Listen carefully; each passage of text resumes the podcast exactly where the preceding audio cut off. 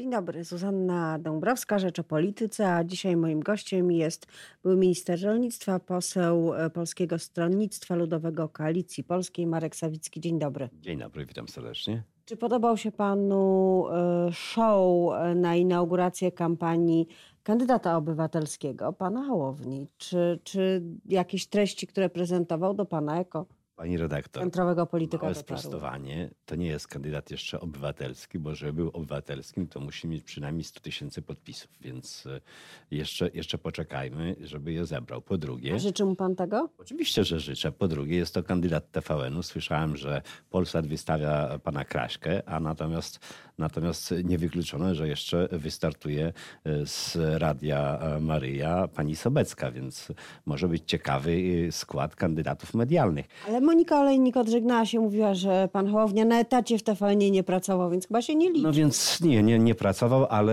e, jak zanim jeszcze, że tak powiem, ogłosił to w Gdańsku, to rzeczywiście dziennikarze TVN-u i związani z TVN-em już bardzo mocno piali na rzecz pana Hołowni. Zobaczymy. Ta e, konwencja nie była konwencją zaskakującą. Dla każdego coś miłego, e, pan Szymon powiedział. Natomiast e, jest pytanie, kto będzie w sztabie, jaki sztab będzie, bo też trzeba sobie wyraźnie powiedzieć, że nie ma czegoś takiego do końca jak kandydaci niezależni i ktoś e, pana Szymona będzie musiał wesprzeć. W związku z tym A może już wsparł, tylko o tym nie wiemy. Kto to, to dobrze byłoby, bo y, podstawą demokracji jest y, otwartość, jawność i pewne rzeczy muszą być znane publicznie. Wyborcy muszą wiedzieć, kto y, za nim stoi, skąd będą pochodziły środki na kampanię. Bo dowiemy się oczywiście już po kampanii, a dobrze byłoby, żeby wiedzieć także przed kampanią. No i z tych y, programowych y, zapowiedzi y, rewelacji nie było, tak jak powiedziałem, dla każdego coś miłego. Z jednej strony proponowany jako i, i, i reklamowany jako Hadek związany z Kościołem katolickim, publicysta, pisarz. Z drugiej strony, z drugiej strony jasno mówi o mm, jakiejś chęci odcięcia się i rozdziału Kościoła od Przyjaznego państwa. rozdziału. No więc przyjaznego rozdziału, więc nie bardzo rozumiem, bo wydaje mi się, że e, konkordat e, przyjęty, za- podpisany przez obie strony i Watykan i e, Warszawę jest e, w miarę rozdziałem e, przyjazny, więc e, jakby to jeszcze miało się e, pogłębić. Chodzi o praktykę, a nie o to, co jest zapisane w konkordacie. No ale praktyki e, to niestety sam pan prezydent nie wprowadzi i wiemy o tym doskonale, że e, praktykę e, kształtuje się poprzez pokolenie, poprzez zwyczaje.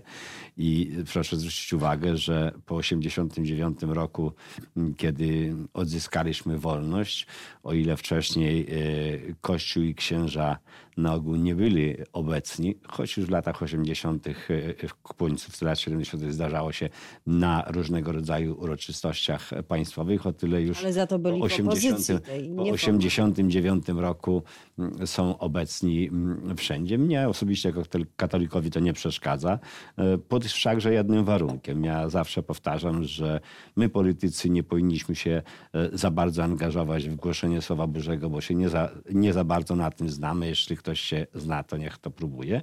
Natomiast e, księża, e, Kościół nie powinien bezpośrednio angażować się w politykę, nie powinien na żywo uczestniczyć w kampaniach wyborczych, a nierzadko to się zdarza. Czyli można powiedzieć, że zgadza się pan z tym postulatem, bo jeżeli nie będą księża uczestniczyć w polityce bezpośrednio, to może będzie to przyjazny rozdział. Przepraszam bardzo, ale nie wiem, co ten przyjazny rozdział ma e, oznaczać, więc ja zachęcam pana Hołownię do debaty chociażby z Władysławem Kośniakiem-Kamyszem No na początek. właśnie, no właśnie, bo przecież Bo- jeżeli sondaże pokazują, że jeżeli komuś Szymon Hołownia jest w stanie głosy odebrać, to na pierwszym miejscu znajduje się właśnie kandydat centrowy PSL-owski, czyli prezes Władysław Kosiniak-Kamysz. Pani, pani redaktor, yy, wielość kandydatów to jest podstawowy warunek do tego, żeby Andrzej Duda nie wygrał w pierwszej turze.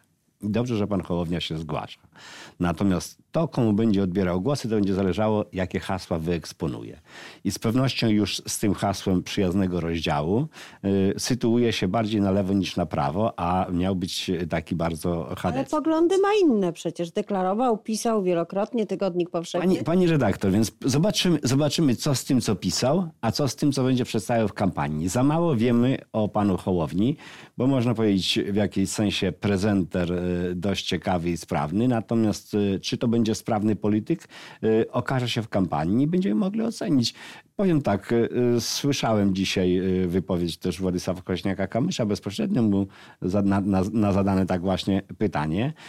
To z życzliwą otwartością przyjmuje kolejnego kandydata e, w środowisku pretendentów do urzędu prezydenta i rzeczywiście oczekuje debaty, bo wydaje mi się, że e, jak najwięcej debat, bezpośrednich debat pomiędzy kandydatami e, szeroko rozumianej opozycji, a więc poza panem prezydentem Andrzejem. Ale czy te debaty to jest, jest lekarstwo na to, że troszkę jakby kampania Władysława Kośniaka-Kamysza, która wystartowała bardzo tak żywo i spektakularnie, teraz troszkę zwolniła, przestał być widoczny, może Pani jest redaktor. w cieniu. Debaty to naprawią? Pani redaktor, przede wszystkim y, ludziom potrzebne są debaty, powinni poznać poglądy kandydatów. Po drugie, kampania nie zwolniła. Władysław Kośniak-Kamysz każdego tygodnia jest w kilku miejscach. W ubiegłym tygodniu był w Wielkopolsce, dziś będzie y, w Garwolinie po południu. Praca u podstaw. Więc praca u podstaw, spotyka się, ale spotyka się jeszcze w ramach tak zwanej prekampanii jako poseł Władysław Kośniak-Kamysz, lider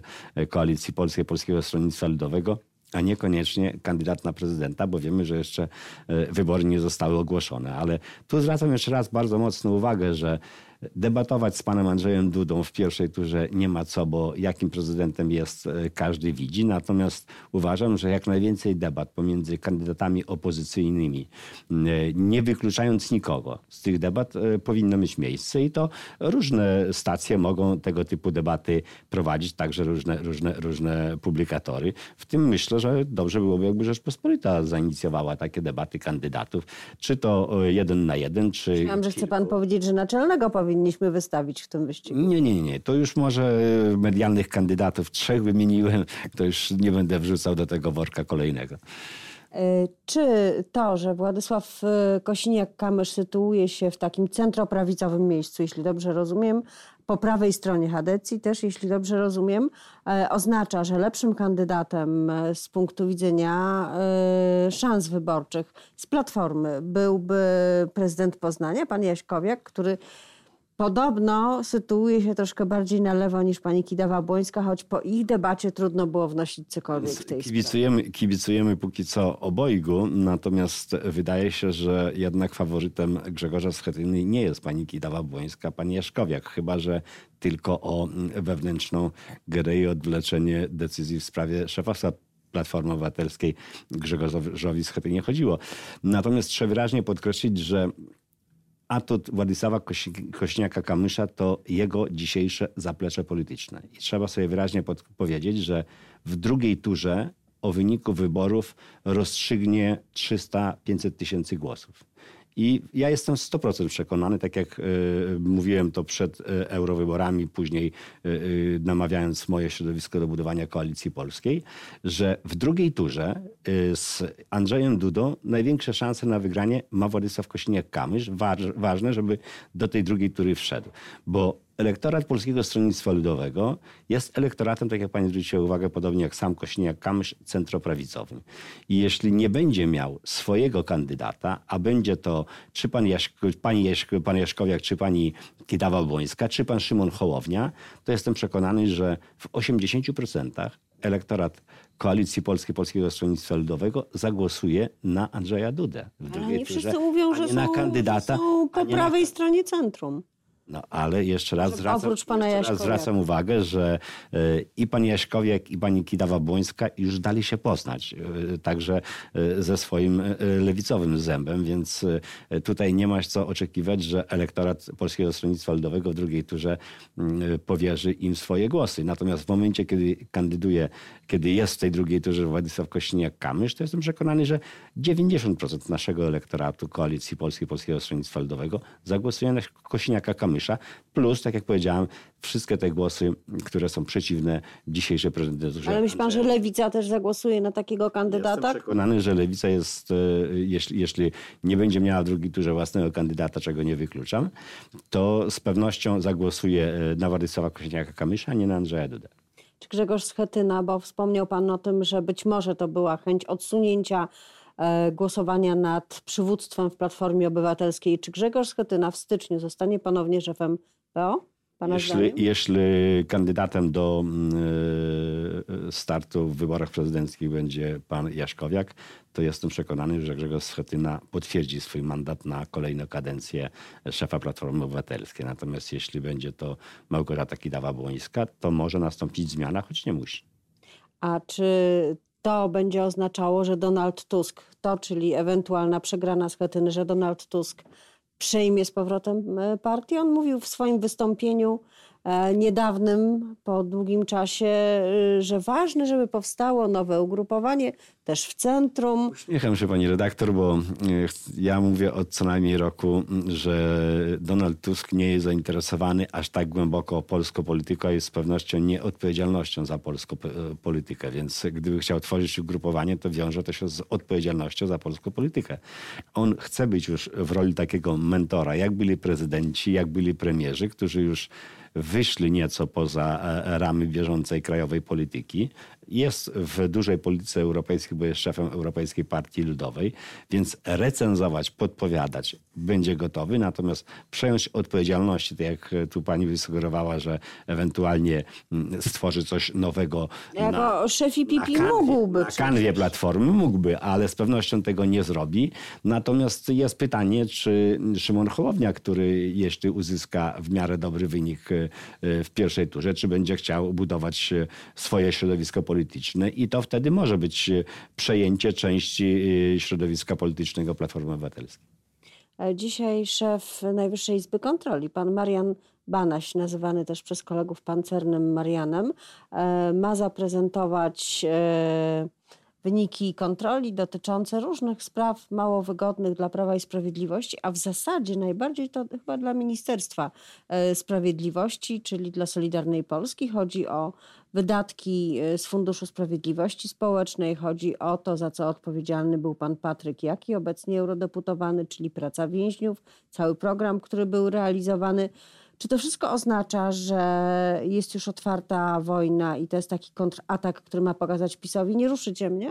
Po pierwsze, pan Banaś tych kontroli nie przeprowadzał. Zastał już je e, i tak naprawdę uczestniczyć może tylko i wyłącznie w podsumowaniu i w prezentacji, więc e, to niezależnie od pana Banasia, w wyniku jeszcze za przez. Ale to on wysłał 15 wniosków do prokuratury osobnych. Pani redaktor, bo nie miał innego, że tak powiem, wyjścia. Jeśli są krytyczne wnioski po kontroli NIK-u, to automatycznie z mocy prawa, z urzędu y, NIK musi zareagować i musi powiadomić stosowne organa. Więc y, tutaj y, ja rozumiem, że dla PiSu będzie wygodnym usprawiedliwieniem, że 15 wniosków do prokuratury wynika z wewnętrznej wojny między Banasiem a PiSem. Nie. To wynika z tego, że PiS fatalnie rządzi Polską, że PiS fatalnie wykorzystuje nasze budżetowe pieniądze, że PiS e, te pieniądze e, wydaje e, często z naruszeniem prawa, co, o, czym, o czym świadczy tych 15 wniosków. Więc Patryk Jaki rzeczywiście, kiedy komentował sprawy pomiędzy Jarosławem Kaczyńskim a panem Banasiem, i Mariuszem Kamińskim nie miał zbyt ciekawej miny, więc z pewnością wiedział, jaki charakter miały te kontrole, bo one trwały co najmniej trzy lata i z pewnością jeszcze będąc wiceministrem, Patryk Jaki do niektórych e, uwag e, Najwyższej Izby Kontroli odnosił się. Więc tak, ale takimi wnioskami nie skończyła się kontrola w oczach byłego prezesa, pana Kwiatkowskiego, który nie wysłał tych wniosków i nie sformułował ich też otwarcie, że należy to zrobić. Pani redaktor, Trzeba zapytać Kwiatkowskiego, na jakim etapie była kontrola, kiedy on odchodził. Bo każda zakończona w czerwcu. Każdy, no, zakończona, zakończona, zakończona w czerwcu, ale jeszcze mamy sytuację taką, w której e, strony mogą się odnosić. Czy ona już była zamknięta po odpowiedziach e, ze strony resortu i, i, i pełnym wyjaśnieniu uwag, czy też jeszcze trwały wyjaśnienia i korespondencja pomiędzy NIK-iem a Ministerstwem Sprawiedliwości. Ale widać wyraźnie, że NIK robi swoje, bo ze względu na e, kontrole prowadzone i na naruszenia prawa musiał te wnioski wysłać, więc PiS niech się nie usprawiedliwia tutaj wewnętrzną wojną z Banasiem. Natomiast y, inną rzeczą jest to, że generalnie Banaś nie powinien być w ogóle y, szefem Najwyższej Izby Kontroli. Chciałam się zapytać, czy opozycja nie będzie teraz przypadkiem pana Banasia popierać, bo nagle się zrobił niezależny kandydat, wyraźnie niezależny od Chcę władzy. wyraźnie podkreślić, że według PiSu pan Banaś nie jest już w tej chwili szefem NIK-u y, z nominacji PiS, tylko jest to szef NIK-u opozycji, więc to jest zdumiewające, kiedy To opozycja, kiedy opozycja, opozycja zwracała uwagę na to, że e, państwo funkcjonuje źle, że e, służby, które kontrolowały pana Banasia nie dopełniły swoich obowiązków. I dzisiaj dobrze byłoby, żeby w Sejmie e, powstała jednak komisja śledcza już w tej kadencji i żebyśmy mogli poznać całą procedurę sprawdzania pana Banasia, bo ja byłem prawie 7 lat ministrem rolnictwa, byłem sam wielokrotnie kontrolowany, wiem jak ta procedura wygląda, ale wiem ile czasu trwały procedury sprawdzania moich zastępców, bo też ich w trakcie kadencji zmieniałem, więc y, często było to 3 do, y, miesiące do 6, ale po 6 mieliśmy zawsze już kontrolę zamknięto. Natomiast pan Banaś był kontrolowany i w latach 2005-2007 i w latach 2015-2019 co najmniej cztery razy przez ABW. Widocznie jest prawdziwie kryształowy. Tyle razy Nie, pani kontrolowany i jednak Ja, wybrany. ja zwracam uwagę na to, że pan Banaś może mieć pełne wewnętrzne przekonanie, że wszystko to, co robił, robił zgodnie z prawem, robił w interesie Rzeczpospolitej, w interesie partii rządzącej, która sprawdzając go wielokrotnie, niczego mu nie zarzuciła, a za każdym razem